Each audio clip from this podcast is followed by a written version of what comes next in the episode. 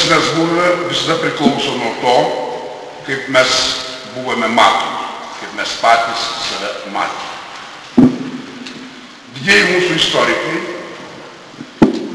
paradigminiai autoriai, Simonas Daugantas ir Adolfas Šapoka. Nesakau, kad jie teigia vienodai, tačiau vienas dalykas buvo jiems bendra.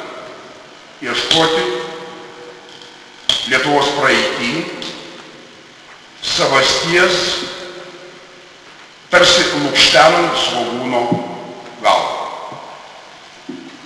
Atmetant tai, kas nelietuviška, savo supratimu XIX amžiaus ar XX amžiaus ir aukštenant tą svogūno galvą, pabandant ieškoti ir surast kažkokį brandolėlį.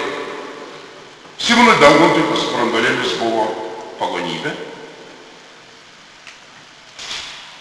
Atėjo nauja romantikų karta. Maironis koregavo ir šis brandolėlis buvo didžiagalių kunigaikščių Lietuva. Adolfas Šapoka sudėjo taškus šitai koncepcijai, teigdamas, kad mūsų brandolys yra Gediminaičių Lietuva.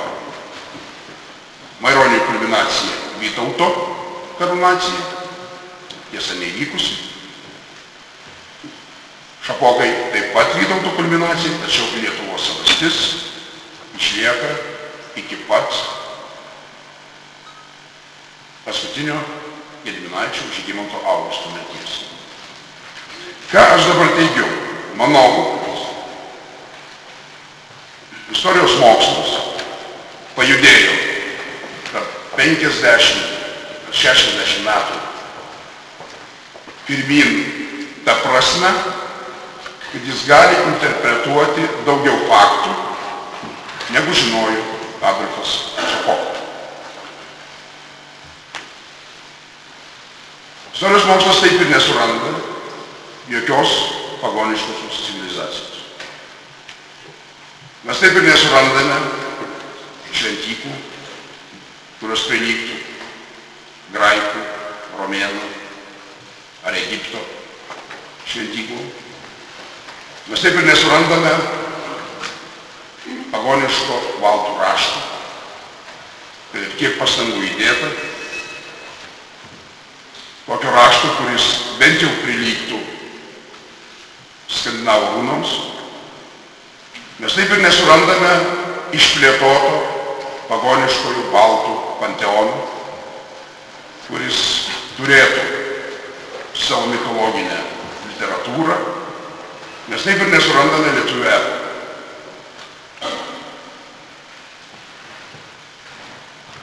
Pirmoji tiesiog. Antroji tiesiog. Istorijos mokslas pajudėjo į priekį tą prasme, kad nebegalima matuoti Lietuvos savasties Vytauto didvalstybės plotais. Ir, atsis, ir neįmanoma lietuvių jaunimo aiškinti, kaip tarpukorį Lietuvoje buvo bandoma ugdyti patriotizmą į Lietuvos didžiosios kunigaikštijos Vytauto laikų žemėlapį, išsikirpus Prancūzijos žemėlapį, dėlioti ir skaičiuoti, kiek kartų telpa Prancūzija į Lietuvą. Kiek, kiek kartų įtelpa, tiek kartų mes patriotai. Vytauto didvalstybė buvo erdvi valstybė, tačiau užėmė nuteriotus mongolų rytų Europos plotus. Ir ne valstybės plotai lemia valstybės stiprumą. Mažytė Olandija 17 amžiuje metė iššūkį galingai Anglijai ir sukūrė pasaulinę imperiją. Šiandien ta pati mažytė Olandija, jos BVP yra lygus Rusijos BVP.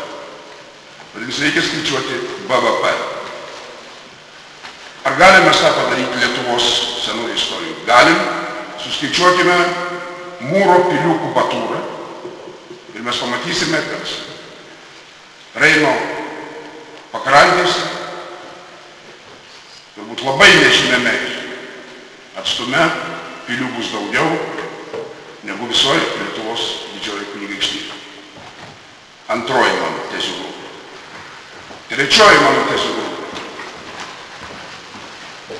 Nei Daukantas, nei Maironis, nei Šapoka negalėjo apimti ir paliko už savo mąstymo ribų visą Lietuvos didžiosios kunigaikštijos istoriją, kuri, kaip jau minėjau, yra po Vytauto ar bent jau po Žygimanto Augusto. Dėl to mes prarandame ir patys atiduodame Lenkų istoriniai savaščiai patį gražiausią mano įsitikinimu Lietuvos istorijos periodą. Ir tą periodą, kuriame susikūrė Vilniaus didybė, su baroko architektūra, unikali Europoje, su Lietuvos statutais, su gegužės trečios dienos konstitucija, su nepaprastai įdomiu fenomenu, kaip lietuvių politinė tauta, kalbančia mažiausiai trim kalbom, nepaprastai kultūrinė įvairovė, kada mes vienu ar kitu metu turėjome aštuonias, devynės ar net dešimt konfesijų. Viso to tradiciniai Lietuvos savasties modeliai neapima. Tai yra trečioji mano tezių grupė.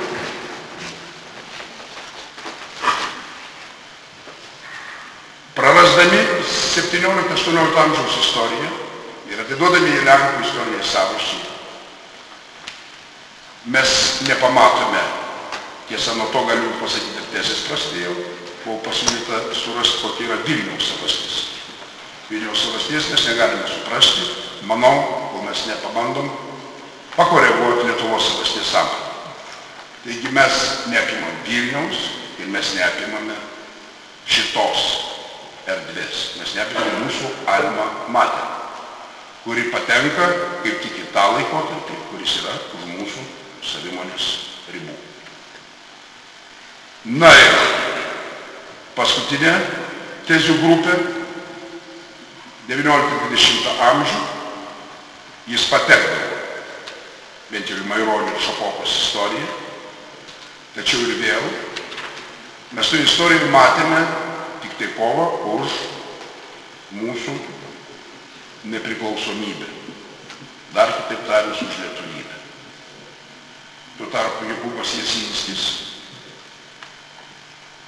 Tomas Korsakas, Tadas Korsakas, žuvę gindami Varšuvos priemestį Pragą 1794 metais, jie kovėsi už gegužės trečiosios dienos konstituciją.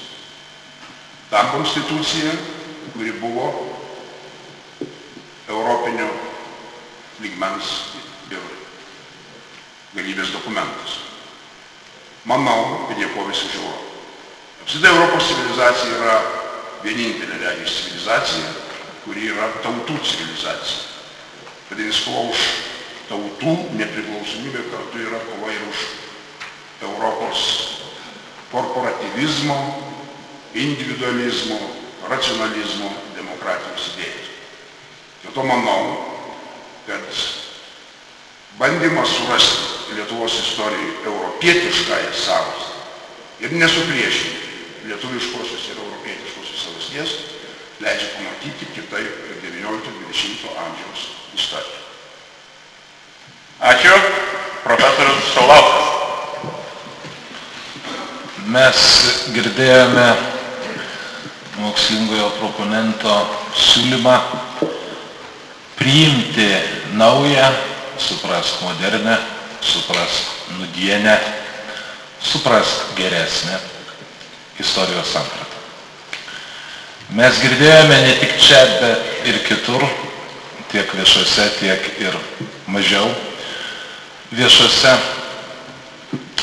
plotose įrodinėjimus ir argumentus, verčiančius bent jau istorikus atmesti buvusias dvi, kai kuriais atvejais netgi tris paradigmas - pagoniškąją, didžiavyrių, plus korekcijos ir priimti naująją, trečiąją arba ketvirtąją, europinę. Klausimas man kaip ne istorijos cecho žmogui yra ir bendresnis, ir gilesnis, ir baugesnis. Galima būtų priimti naujesnį, jei jis yra grindžiamas pakankamais argumentais bei pakankama įrodymo gale atsižvelgiant į instrumentą, į metodą to, ką mano proponentas tik ką įvardino mokslo vardu. Girdėk istorijos mokslas nustatė, kad iš keturių būtovės interpretacijų teisingiausia nudienė, paskutinė. Veik kaip amerikoniškam supermarkete. Brand new, ergo the best. Kas nauja, kas naujausia, tas geriausia. Mums sakoma, nebeieškokime pagoniškosios savasties, neieškokime didžiavyrių, nes jų pasirėmę savojų mokslu, savaisiais metodais nerandame. Ne visko nėra, ko rasti negalime. Gal kalti mes patys, o gal kaltas mūsų ieštiklis, mūsų žiūronas, mūsų mokslinis apšvietos ir to paties romantizmo pagimdytas tolimatis atgręžtas į nuden nutolusią būti. Ar istorija aptinka būtovės slėpinius, ar juos sukuria? Ar istorija gali padaryti išvadą aptikusi vieną ar kitą slėpinį, kad jau nebus kitų slėpinių?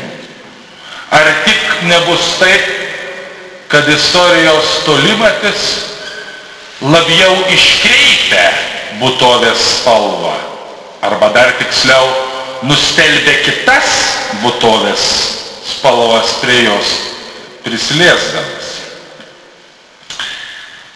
Žodis suprasti, žodis paaiškinti. Abu šiuos žodžius yra ištikusi negalę prasidėjusi nuo apšvietos. Nesakau nuo apšvietos laiko, sakau nuo apšvietos tikėjimų, įsitikinimų. Suprasti visuomet yra suprastinti. Mes žmonės kitaip nepajėgiame ko nors suvokti, kaip tik nesuprastinę, nesudėlioja į paprastas, aiškės, prijaukintas padalas. Tačiau suprastintas daiktas virsta prastu. Todėl supratimas visuomet yra suprastinimas abiejom prasmėm. Būtovėgi būtis nesileidžia nei suprantama, nei suprastinama. Galbūt taip viešpats mūsų apsaugo nuo dar vieno įtikėjimo savo nelygstamą supratimo gale šį kartą istorijos. Dėkoju Dievui, kad istorijos fakultetas taip meiliai prisišlėjęs prie filosofijos. Būtų dar geriau, jei toji prišlietis ir istorikų ceche skatintų aiškinimą tą prasme, kurį, kurią mes dėja dažnai pamirštame. Paaiškinimo ir supratimo kultas. Paaiškinti lietuvių kalbą. reiškia ir pasiaiškinti. Paaiškink man, vaikeli, kodėl taip ilgeisi. Paaiškinti ir pasiaiškinti šiame žodėje paaiškinti slypi, slėpiniuos būtovės, slypi sangražinė dalelytė. Pasiaiškink, pasiteisink. Manyčiau, kad istorijos mokslą nuo pat jo gimties, beje tai yra jaunas, nesakau, kad nėra dar jaunesnių ir bejėgiškesnių vaikų mūsų alma mater. Yra ir dar jaunesnių fakultetų. Be pigų žinia man taip šnekėti, sėdint seniausiame jų.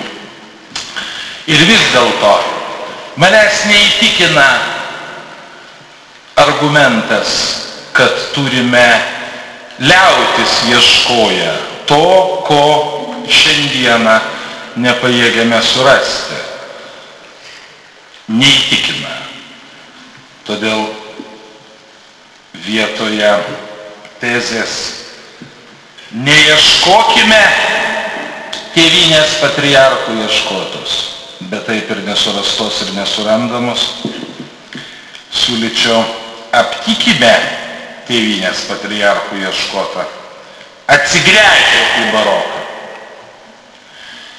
Galimas daiktas, kad dar rasime ir pagonybę, gal ieškota ir matriarchato forma, gal dar kokia kita, o gal tiesiog mūsų istorinis prožektorius, mūsų istorinis metodas nemato mūsų baltiškųjų rūnų, gal tos rūnos yra visai nepastebimas vien dėl to, kad mes jų neieškome arba tiesiog jos išslysta iš mūsų paieškos geismų.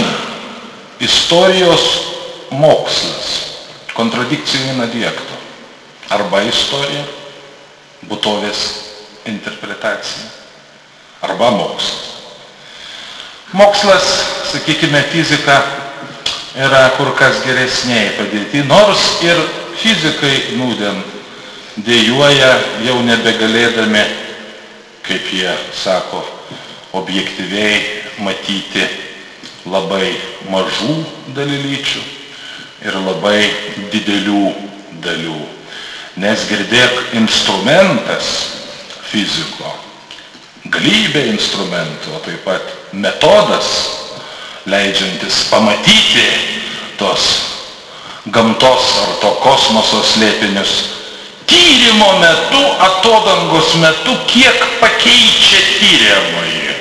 Jau nebegali tyrinėti tiek mažo, matydamas, koks jis iš tikrųjų yra, koks jis būtoviškai yra, nes net ir menkas šviesos spindulėlis tą mažą transformuoja, tad išeina, kad tyrinėdamas būtovę, tyrinėji istoriją, tai yra savo kūrinį, savo fantaziją, savo norų, savo projekcijų ir savo galių, ar tiksliau savo negalių kūrinį. Istorikogi instrumentas, istorikogi metodas dar silpnesnis, nes jų yra daug.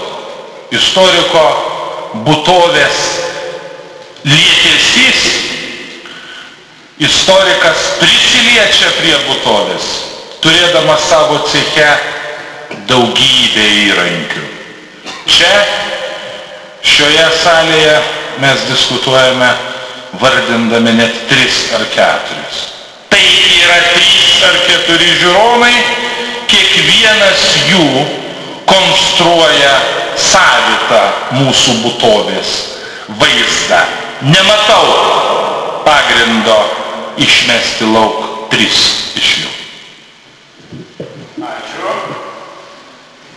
prieš įteikdamas replikos galimybę pasinaudoti repliką profesoriui Bumblauskui, norėčiau pasakyti, kad tauta sėdinti gale taip pat turi teisę matyti savo didvyrus.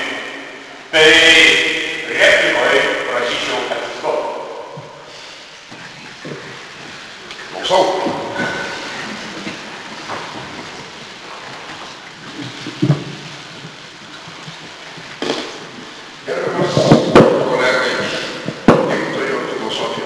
Fakulteto, nes iš ten gimė visi mokslai, kaip jis paaiškino, nors mūsų Herodotas yra to paties laiko kaip ir Platonas ir Aristotelis, filosofai nuo Platono ir Aristotelio laikų sako, istorija tik papasakoja, o mes kuriame. Tik istorikas pradeda kurti, filosofas sako, negerai, nes jūs nežinote, kaip reikia kurti. Kūrybos tikslus, prigimti, galų gale mokslinius metodus reflektuoja filosofai. Tebūnie. Sutiksime su tuo. Tačiau ginsim teisę, kad ir mes patys galime kurti praeities sampratas. Mokslingasis kolega atstovauja filosofų planui, kuriam atstovavo ir žymusis mokslo raidos supratėjas Tomas Kunas, kuris paradigmos savoką ir įvedė į mūsų mokslinę apyvartą. Kasgi dedasi su paradigma? Su jomis dedasi tai, kad jeigu mes norime matyti mokslo pažangą, tai mes pamatome, kad yra kažkoks vaizdinys, po to kaupiasi kažkokie tai faktai, kurį mokslo filosofai ir vadina normaliuoju mokslo raidos etapu ir po to vyksta kažkokia permaina, kurią pamažu perima ar atmeta mokslingoji bendruomenė. Tai pirmas klausimas man vis dar kyla, ar astronomijoje išlieka šiandien galioti Ptolemėjo visatos samprata. Turbūt ne. Kad ir kiek mes ieškotume tolerancijos šalininkams, kad Saulė sukasi aplink Žemę, o Žemė yra čemodano formos, tokia paradigma nebegalioja. Ir vis tiek atėjo Newtonas, o jį keitė Einšteinas. Mano kuklioje saba nepretenduoja ir netgi nepretenduoja būti daukanto ar šapokos tipo. Tačiau drįstu konstatuoti, kad mūsų mokslas pajudėjo į priekį, gindamas vieną tiesą, Tomo Akviniečio tiesos sampratą. Adekvacijo rerum at intelektu ir yra tiesa. Daiktų padėties atitikimas intelektui. Tai šiuo požiūriu manau, kad galime teikti, kad šiandieninis mūsų supratimas yra tikslesnis, daugiau apimantis reiškinių nei mūsų garbėjai patriarchai. Ir iškart galiu sutikti su oponento teze, be abejo, iš paradigmos koncepto seka. Nebūsime paskutiniai, po mūsų ateis kiti, kurie ieškos kitų praeities aspektų ir lygiai taip pat, kai nebetilps jų reiškiniai į paradigmą, jie kurs kitą. Tai šiuo požiūriu nieko mes nebijom, bet tik reikia, manau, turėti drąsos ir valius, kad nuo karto tai pareikšti. Ir kūryba be drąsos yra nekūryba. Ačiū.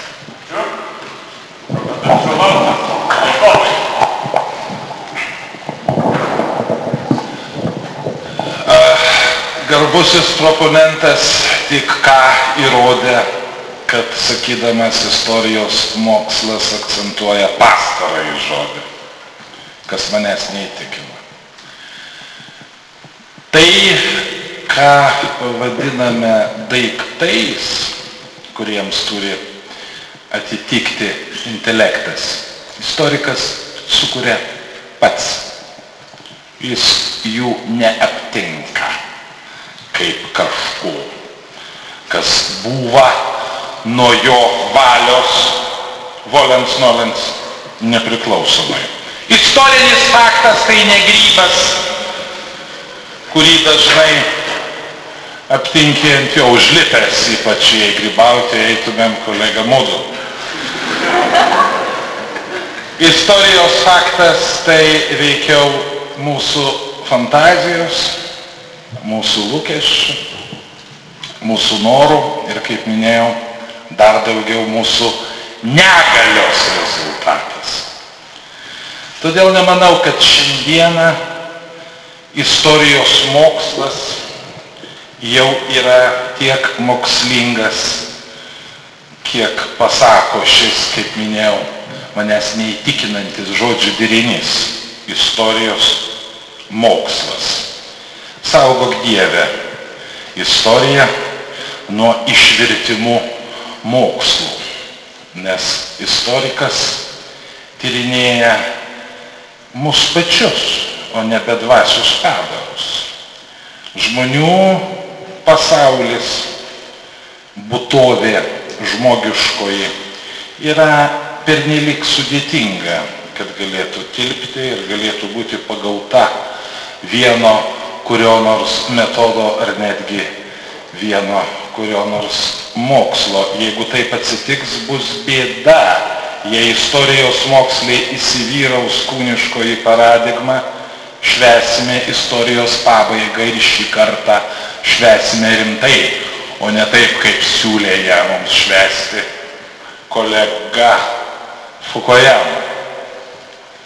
Saugok mane ir mus visus, o viešpate, kad neprarastumėm tokio puikaus kaimyno, neprarastumėm mokslo, nes istorijos mokslas yra gyvas tol, kol jame netyla paradigmų kova. Istorijos mokslas, kaip ir kiti dvasios mokslai, gyvas tol, kol istorikai nežino, nežino, nėra tikri, kad jau turi teisingą paradigmą. Kita vertus, negaliu nepripažinti, kad šiandienos instrumentarijus, kuriuo mes disponuojame, šiandieninėme istorijos diskurse, be abejonės verčia mus nebetesti aklai įsikibus, labai švelniai formuluoju, tų paradigmų, kurios yra akivaizdžiai silpnesnis nudieniai šviesoje. Tad sakyčiau, kad esu linkęs ne tik priverstas, bet ir linkęs sutikti, kad siūloma paradigma, siūloma versija būtovės parodo ją pilnesnė negu lygi šioliai. Tik labai nesinorėtų, kad tie amžiai, kurie nunaja arčiau mūsų, visiškai nenustelbtų tų, kurie buvo ankstėliau. Kągi, replikos teise abudu atstovai dviejų mokslų pasinaudojo, nepaisant to, kad profesorius Šaulauskas užginčijo esant istorijos mokslą. Dabar teisę užduoti tris klausimus svarbiausiams šio dalyviams, tai yra jums. Ar būtų tokių norų? Klausimų nėra. Reiškia, diskusija yra pakankamai įtikinama ir kiekvienas jau turbūt apsisprendė. Bet aš kaip šioks toks teisėjas galiu užduoti klausimą. Norėčiau kiekvienam diskuto dalyviui užduoti po vieną klausimą. Sakydamas, kad reikia prijungti prie pagoniškosios Lietuvos, prie Vytauto Lietuvos, lygus laiko ir atrodo, kad čia iškyla. O kaip arba ką, jeigu mes nieko nerandame iš pagoniškos Lietuvos, tai neišeitų iš jūsų bėdų, kad prijungus tai, kas buvo po jos, reikia iš esmės užgirti, užmiršti tai, kas buvo prieš ją, arba iki jos, nes mes nieko nerandame. Ar vis tik tai galime kažką ir reikia kažką jūsų nuomonę iš to laiko karto paimti? Iš karto. Iš karto.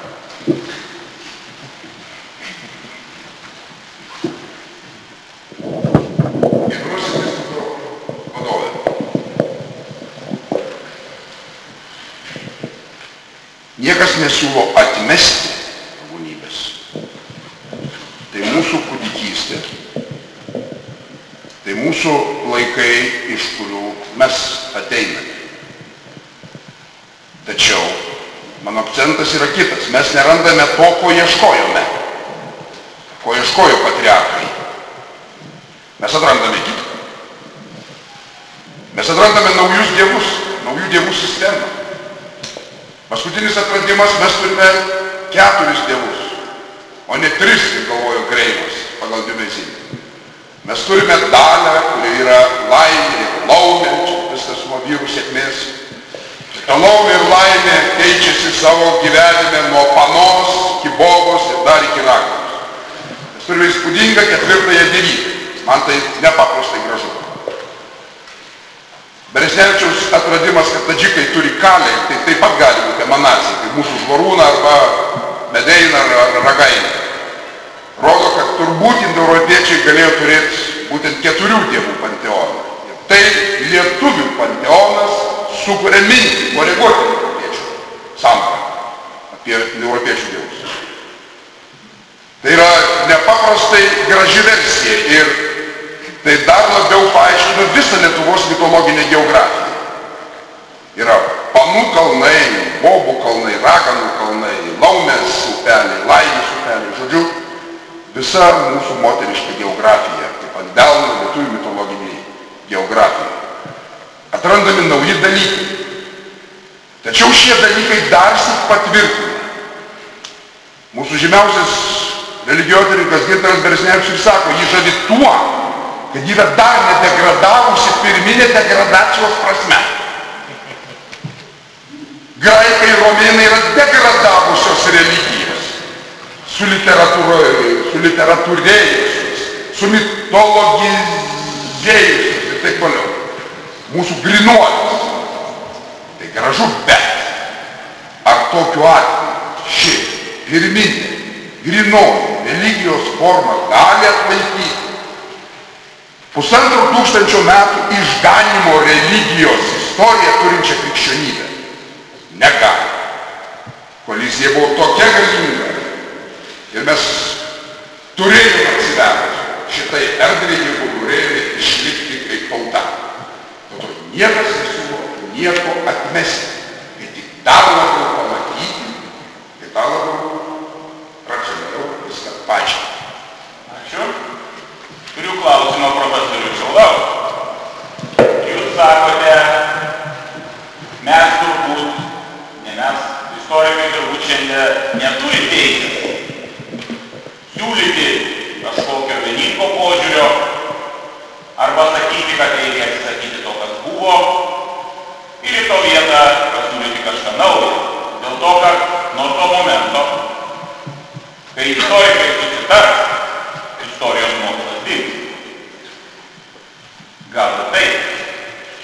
Mano klausimas, ar jums neatrodo, kad vis tik tai vieną paradigmą patriarchai mumis siekia?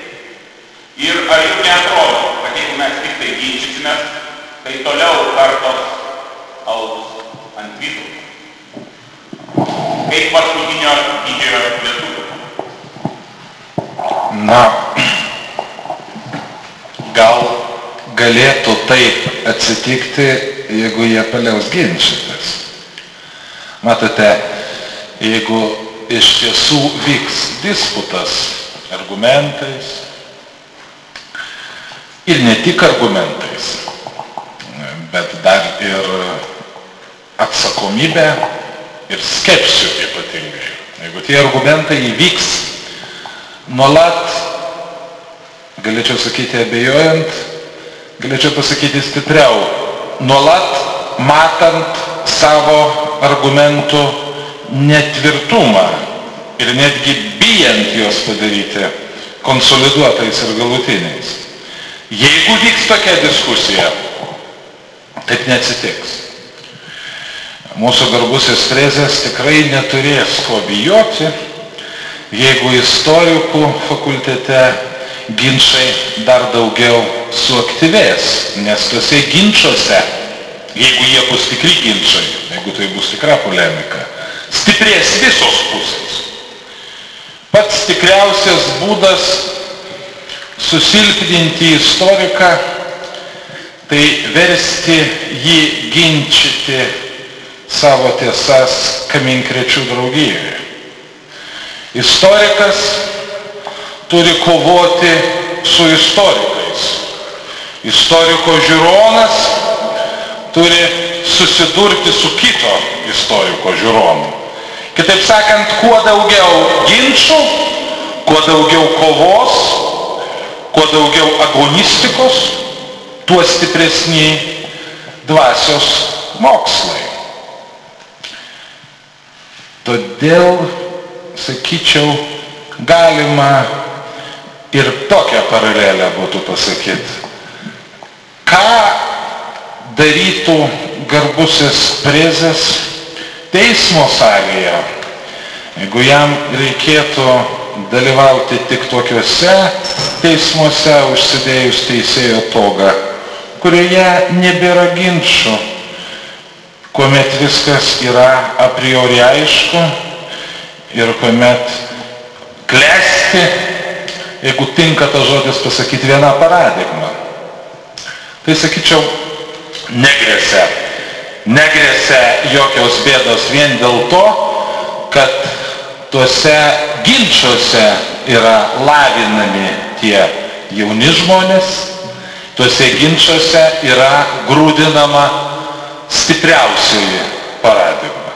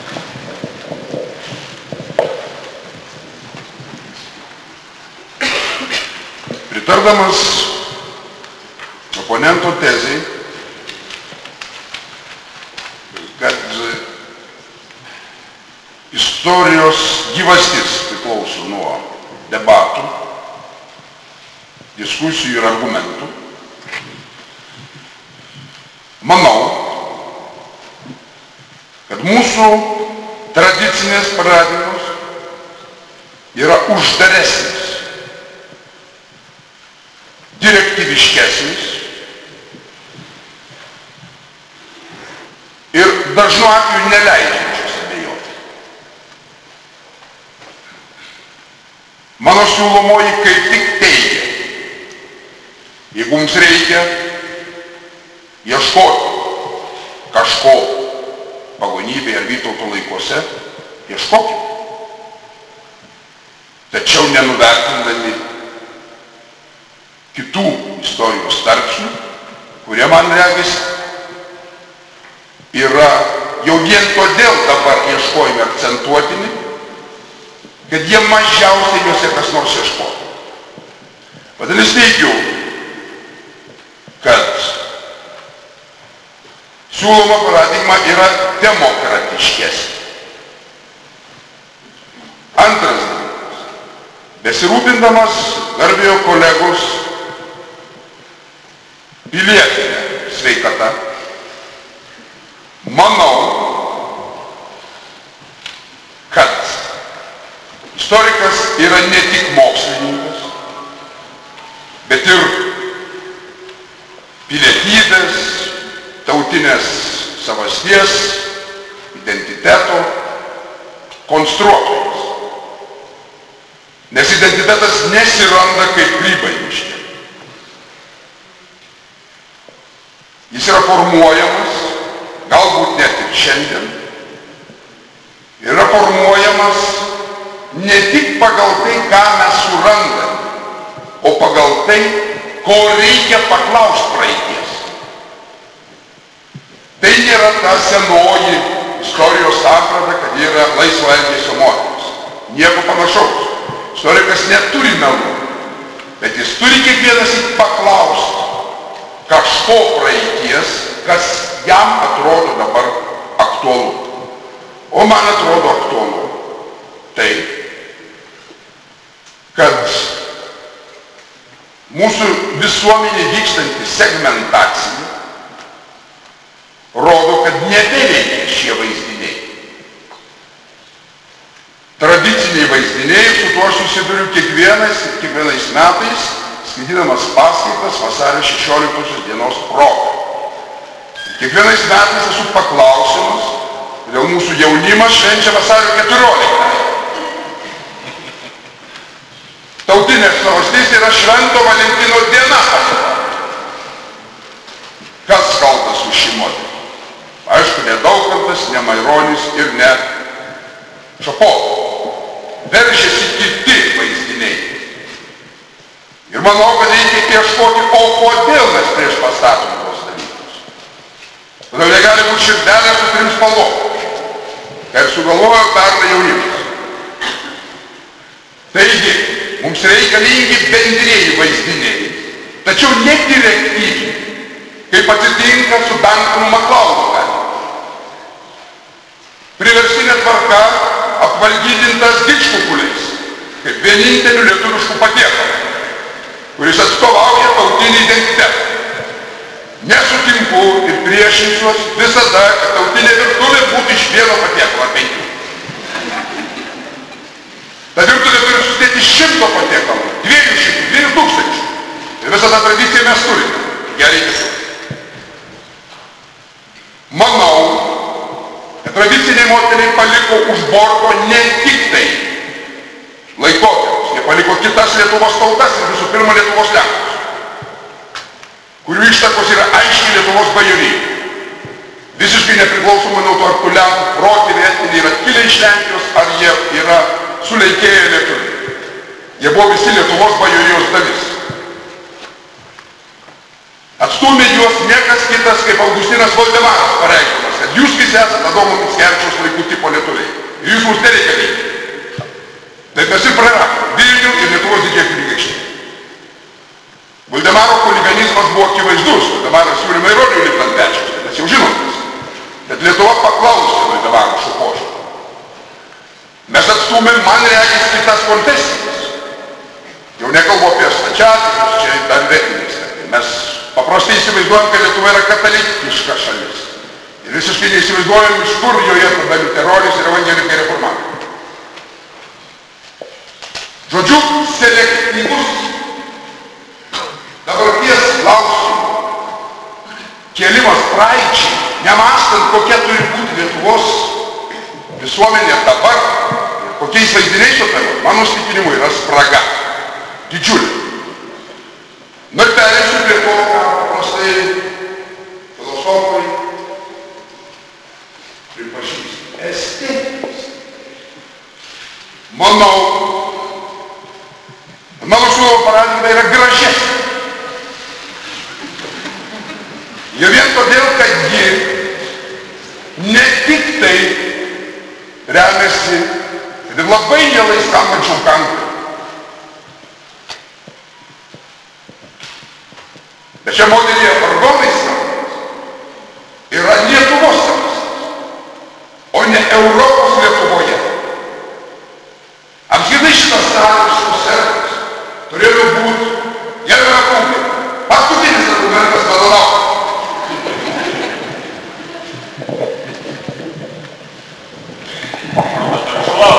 Mielai, mielai.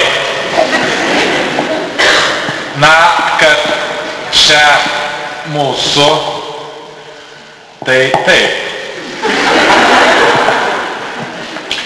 Bėda tik ta, kad žinodami, kad čia mūsų, likščioliai nesame tikri, kas mes patys tokie.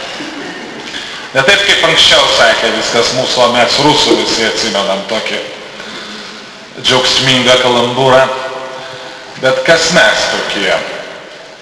Man atrodo, kad šį naujausią paradigmą, gal mes truputį ir, na, susilpninam, gal reikėtų sakyti paradigmą, bet šiuolaikinis diskursas istorinis.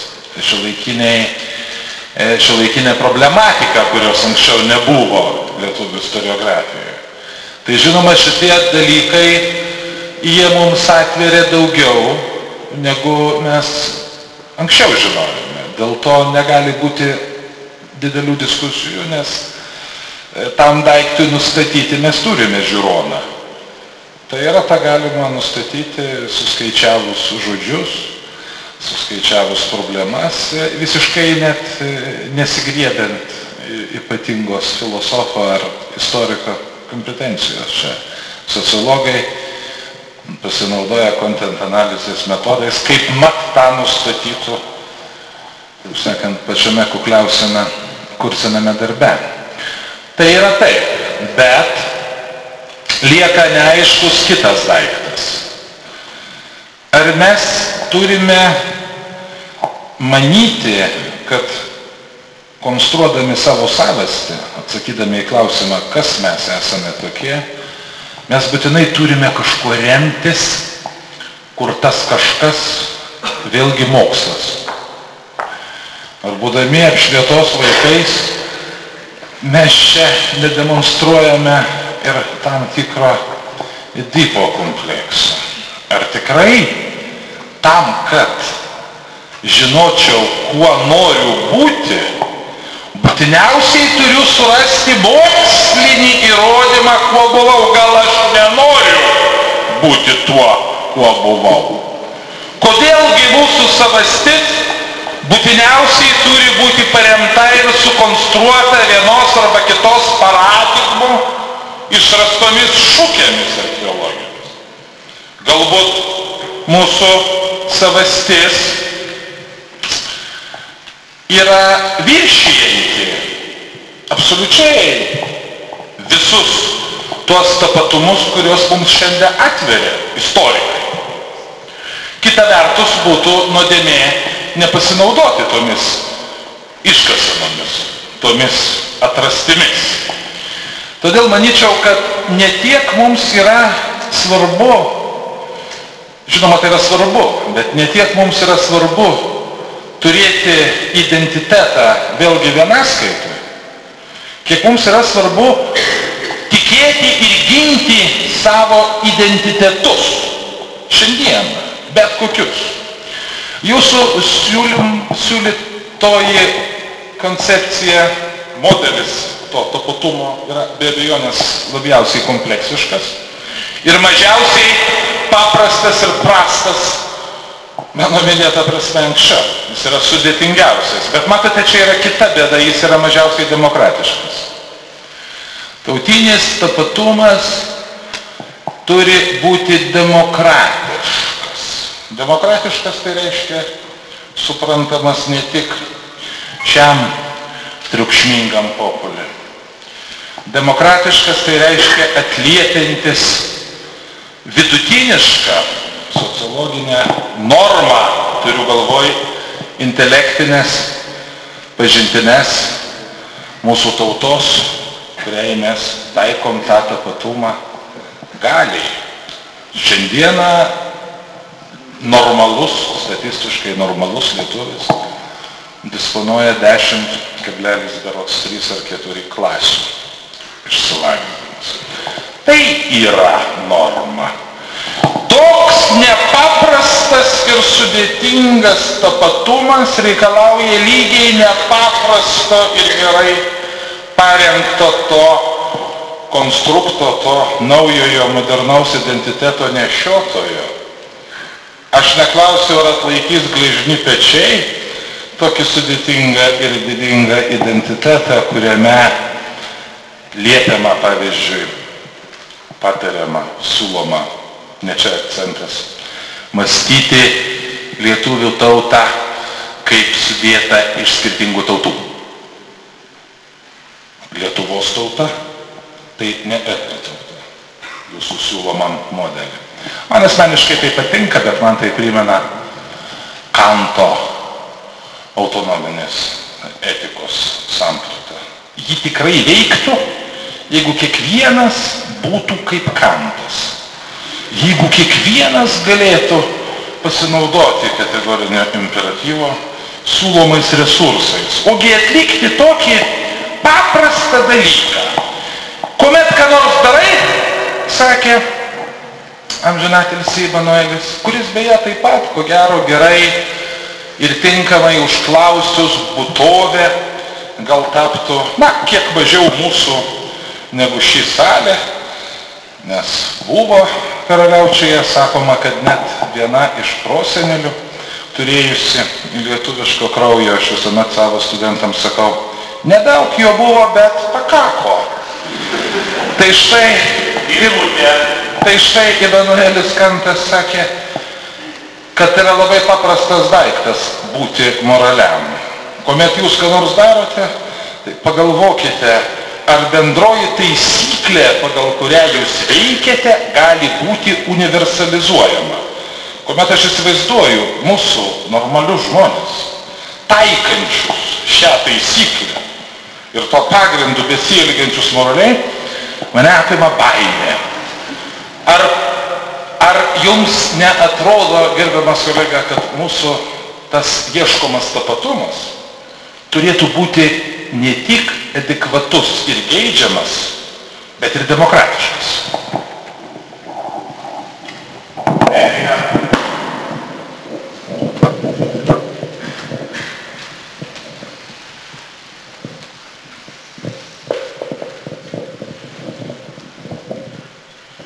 Stebiuosi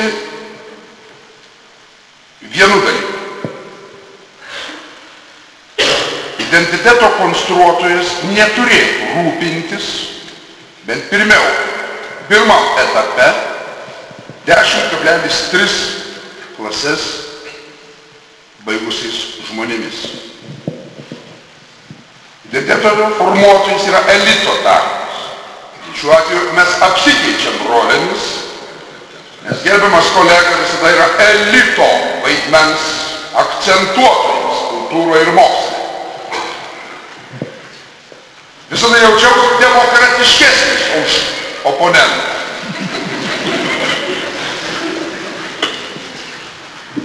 Esu kaltinamas neatsižvelgęs į dešimt klasę auditoriją. Manau, kad tezis ir ypatingai šitoj kalbėjo auditorijai, kur plebsas gerbiamas oponento pasiūlymų yra išversta išmintingai, man regis, balsuotojai. Plebsas tai nėra liautis, tai nėra baiglo, tai nėra černi, kaip šaltiniai seniai sako.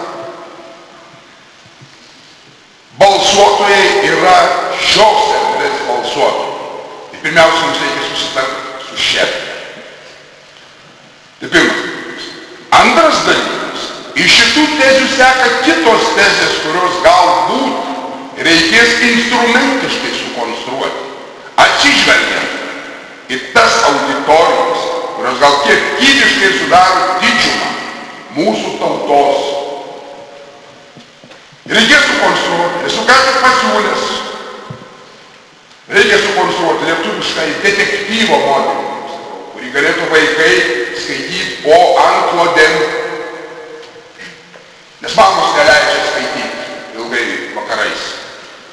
O dabar skaitomi yra, kas tik nori, tik ne lietuviai. Lietuviai neturi. Reikia susikurti nacionalinį virtuvę, nes padinės tą turės padaryti. Barščiai su vėžiais pasirodo yra lietuviški barščiai. Rusų šaltiniai 19 amžiuje sako. Visa Vilniaus restoranas Varšuvoje pilnas lietuviškų patiekalų, kurių šiandienį lietuviškai lietuviai nėra mačiusi.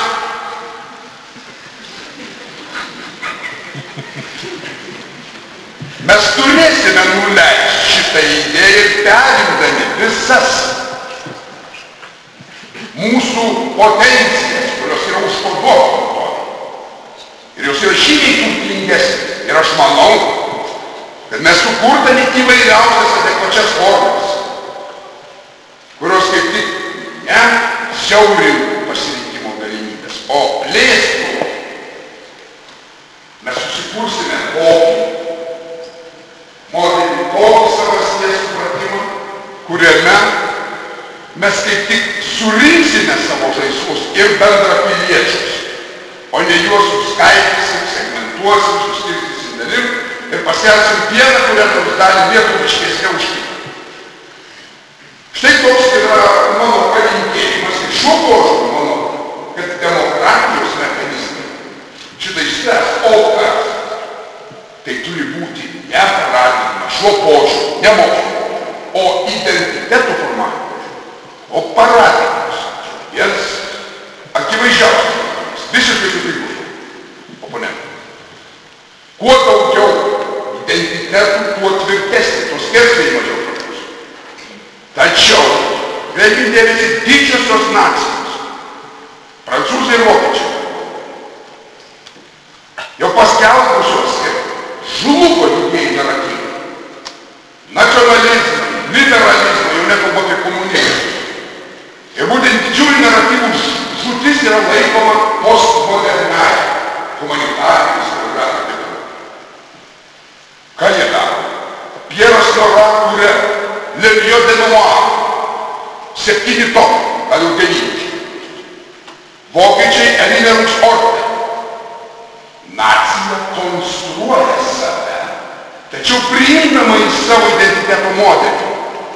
Ne vien herojiškus, ne vien tai, kas buvo vadinama nacionalinius modelius.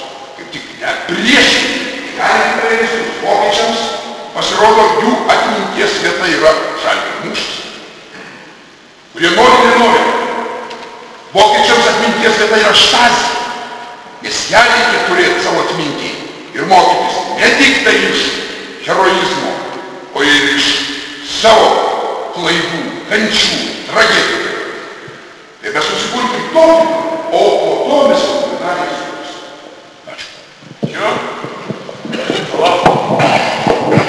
Na čia bene lengviausia replika, nes e, sikis mes taip, tik tai tiek, kad galim dabar jau abu būti apkaltinti tuo, ko paprastai, kaip jūs teisingai pastebėjot mane, kitą kartą ne visai pagristai apkaltina. Jeigu mes kalbėtumėm apie mūsų intelektualinių elitų savimonę, tapatumą, tai aš sakyčiau, kad labai didelė dalim jis ir yra toks, kokį jūs propaguojate, kokį jūs siūlot. Išsilavinus žmonių, jaunimo ypač. Yra ir kitų, be jokios abejonės, grupių.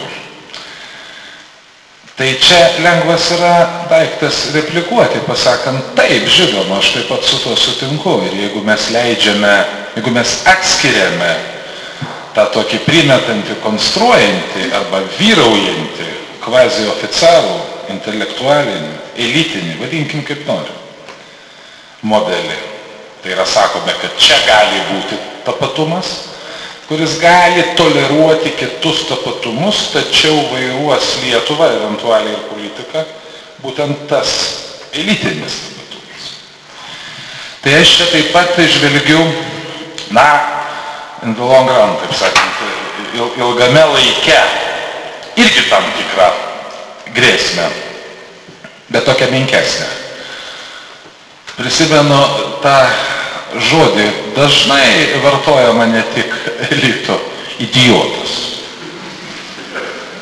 Na, idiotas, idiomatinis, ne, neišvengiamai šioje auditorijoje yra žmonių, kurie žodį idiotas supranta ir pozityviai. Idiotas yra nepakartojamas, unikalus, be galo romantiška.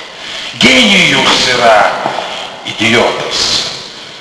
Jis kūrė savo paties kalbą, savo paties būtovę, tikrumoji tai istorija, bet galvoja, kurias būtovę. Ir jam suprasti tai reikalingas kitas genijus, taip vadinama kongenialumo estetika. Sakyčiau, klausti galėtumėm taip, ar mums reikia to idiotizmo, unikalumo, nepakartojamumo prasme? Ar Lietuvo, ar Lietuvos, ar Lietuvių, Lietuvos turėčiau sakyti, ar Lietuvos tautinis, nacionalinis, vėlgi nesvarbu, tiesiog Lietuvos savastis reikalinga idiotizmo? Ar jį gali būti svetimų idiotizmų brikoležas? Sankaupa. Į ką mes, man reikės, šiais laikais krypstam.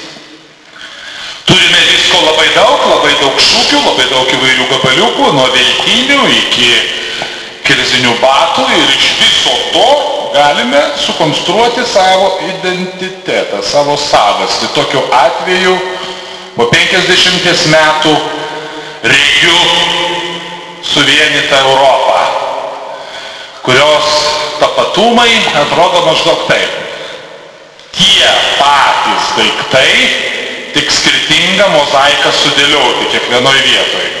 Lygiai panašiai kaip šiandieną sėdėdamas kokioje nors kavinėje, Rusy, dažnai nenusteptum išlipęs iš to Rusio pasijusti ar Vokietijoje, ar Paryžiuje, ar dar kur nors kitur, ne tik Vilniui. Klausimas lieka, ar mums nereikalingas kažkoks idiotizmas, kažkokia savo ir vien tik tai savo šūkė. Kažkas tokio, kas yra vien ir vien tik mūsų. Ne tik dėl to, kad mes esam unikalūs, nes čia, šioje vietoje yra tai, ko yra dar ir kitur. Ar mūsų savašiai nereikia to, kas yra nevykstama ir iš principo negali būti kitų. Ar ne to ieškojo mūsų pagonių šventyklų medžioktojai, mūsų didžiavyrių ieškotojai. Galimas daiktas jie ieškojo to idiotizmo. Galimas daiktas, kad prancūzai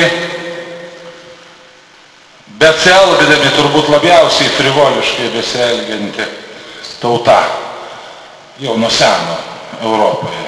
Šiandieną konstruoja savo prancūzišką tapatumą, bijodami prancūziškumo, bijodami prancūziškojo idiotizmo, gal jie gali tą daryti, nes turi jo apšiai.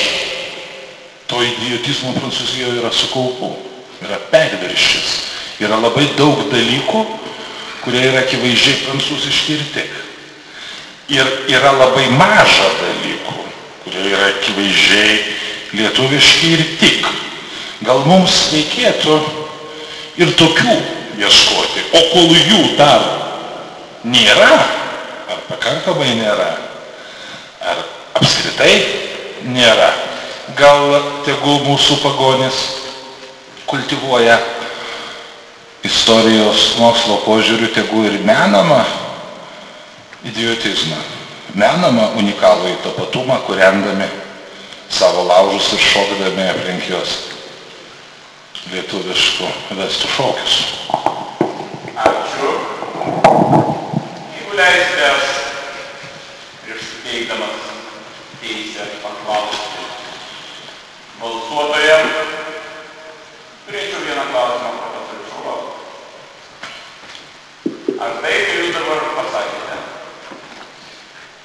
nereiškia, kad profesorius Bumblauskas siūloma idėja priimti visas tautas ir kultūras pradedant katalikais, baigiant totoriais, karaimais, lenkais, rusais. Į tą mūsų savastį, kad kiekvienas suvoktume, kad esame čia. Ir va, kad tas siūlymas priimti, man pasirodė iš jūsų teiginio, nereikėtų to daryti, kadangi tauta 10,3 to nesupras. Arba kadangi mes norime, kadangi mes prarasime kažkokio idiotizmo. Ar, ar jūs siūlote lietuviškąją mokyklą? Ne, aš nesiūlau lietuviškos mokyklos, aš klausiu, ar jums netrodo, kad tas kviditas, tas toksumas yra būtinas arba bent jau pageidaujamas savasties komponentas. Toks yra klausimas. Aš nieku gyvų nesiūlau. E, Mano mokslingasis oponentas labai taikliai pasakė ir mes čia tikrai neturim kontroversijos, kad tų savaiščių kiekvienoje bendruomenėje, kiekviename bendrabuvyje yra daug. Vienas jų visuomet yra lemiantis, tai yra tų žmonių, kurie diktuoja madą, intelektinę madą, politinę, ekonominę ir taip toliau. Man regis, kad būtent šitam elitiniam tapatumui taip pat būtų ne pro šalį turėti kažką idiotiško. Aš čia reagavau į mano mokslingojo oponento pakvietimą įvesti ir estetinę dimensiją. Ogi būtų labai gražu turėti tos idiotistės. Labai gražu. Ačiū. Ar turite klausimų? Taip, profesorius Ivanauskas, kuriam kaip tiksliųjų mokslo atstovui, du humanitarai, dabar ko gero turėsiu problemų. Prašau. Turiu klausimą, kuris e, galbūt yra pragmatiškas, o gal tiksliau idiotiškas. E, Kiekviena tauta, valstybė, kiekvienu istoriniu laikotarpiu turėjo vienokį ar kitokį savo identiteto supratimą. Jis galėjo būti pilnas, gal nepilnas, moksliškas, pilnai, kokybiškas ar nelabai. Klausimas toks, kokiu laipsniu, bet supratimo, to identiteto tas supratimas įtakojo to meto žmonių ar dabarties žmonių tautos sėkmę ar nesėkmę, kiek įtakojo ateities veiksmus. Ačiū. Žinau, labai trumpą atsakymą, tai gal pirmas, nes vienu sakiniu. Manau, kad savęs supratimas, ką nors veikiant, o ypač kolektyviniam veiksme yra visuomet lemiantis, jei gali veikti. O anksčiau ir vėliau veikti galime, nes net ir vergas turi turėti paliktą tam tikrą veiksmų laisvę. Manau, kad tai yra patys esmingiausi dalykai. Tai yra savimonė, tai kai mes save, taip kaip mes save suprantame. Mes ir esame tuo, kaip save suprantame. Visiems yra žinoma, daugumai yra žinoma tas save išpildanti pranašystė. Jeigu tūkstantį kartų pranešė kad esi gražus, žiūrėk ir pražysi visom vaivorykštės spalvom. Tai puiku.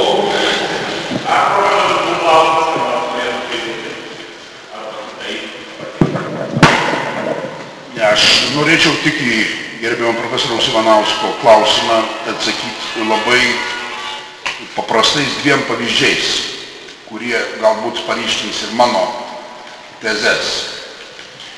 Neįsivaizduoju e, Lietuvos rezistencijos be didžiavirių sukurto mito ar identiteto ateinančių iš Maironio. Neįsivaizduoju birželio sukilėlių Jonas Pajaunis tiesiai yra sakęs, kad jis, kai jo paklausiau, kodėl ėjote į birželio sukilimą, jis pasakė dar vieną versiją, kuri mane nustebino, nes jis tarsi neplaukė iš Vytauto laikų to įvaizdžio. Sako, aš atsiverčiu konstituciją, ten parašyta, kad pilietis turi ginti savo tėvynę. To pakako. Vadinasi, tarpukario Lietuva atnešė jau konstitucinio mąstymo pradmenis. Kūrėsi kitas identitetas. Dėl to bijočiau savo prieštaraudamas dabar ir kaip tik demonstruodamas savo šioje vietoje atvirumą teiginių.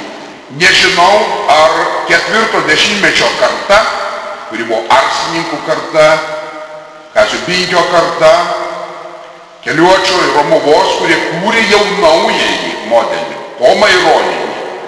Ar ir jie nedalyvavo šitame tėvynės gynimo supratime? Kuris čia identitetas galėjo lemti labiausiai? Nežinau. Tačiau yra ir kitas identitetas. Lietuvių tauta gimė folklorinių, kalbinių pagrindų. Kodėl taip įvyko? Ogi todėl, kad tai padarė suvalkiečiai. Trys rajonai iš 44 rajonų skandalas ant visos Lietuvos. Dėl suvalkiečių charakterio ir vaidmens tėvynėje. O į vaidmo tėvynėje toks, jie ubagų kraštas, neturintis bažnyčių, dvarų, nematęs lenkia kalbės bajorijos. Jis ir negalėjo suprasti tos bajorijos. Ir plus dar rusų 64 metais, 1800, leista būtent vieninteliam regione turėti lietuviškas pradinės mokyklas, kad atkirs lietuvis nuo lenkų. Nuo lenkų, taip supranta, o iš principo nuo lietuviškosios lenkia kalbės bajorijos.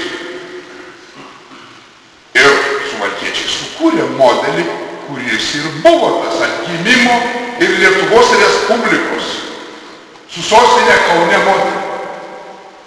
Nes jie negalėjo suprasti Pilsudskio, negalėjo suprasti Želigovskio ir negalėjo atsirasti kompromiso galimybės, bet kokios. Kaip ir Lenkų pusėje. Jau Želigovskio ir Pilsudskio pusėje, nes jie taip pat buvo nustebę, iš kur kokinis atgimimas. Žemaitiškas ar valstietis. Identitetai konstravo labai konkrečius politinius veiksmus. Manau,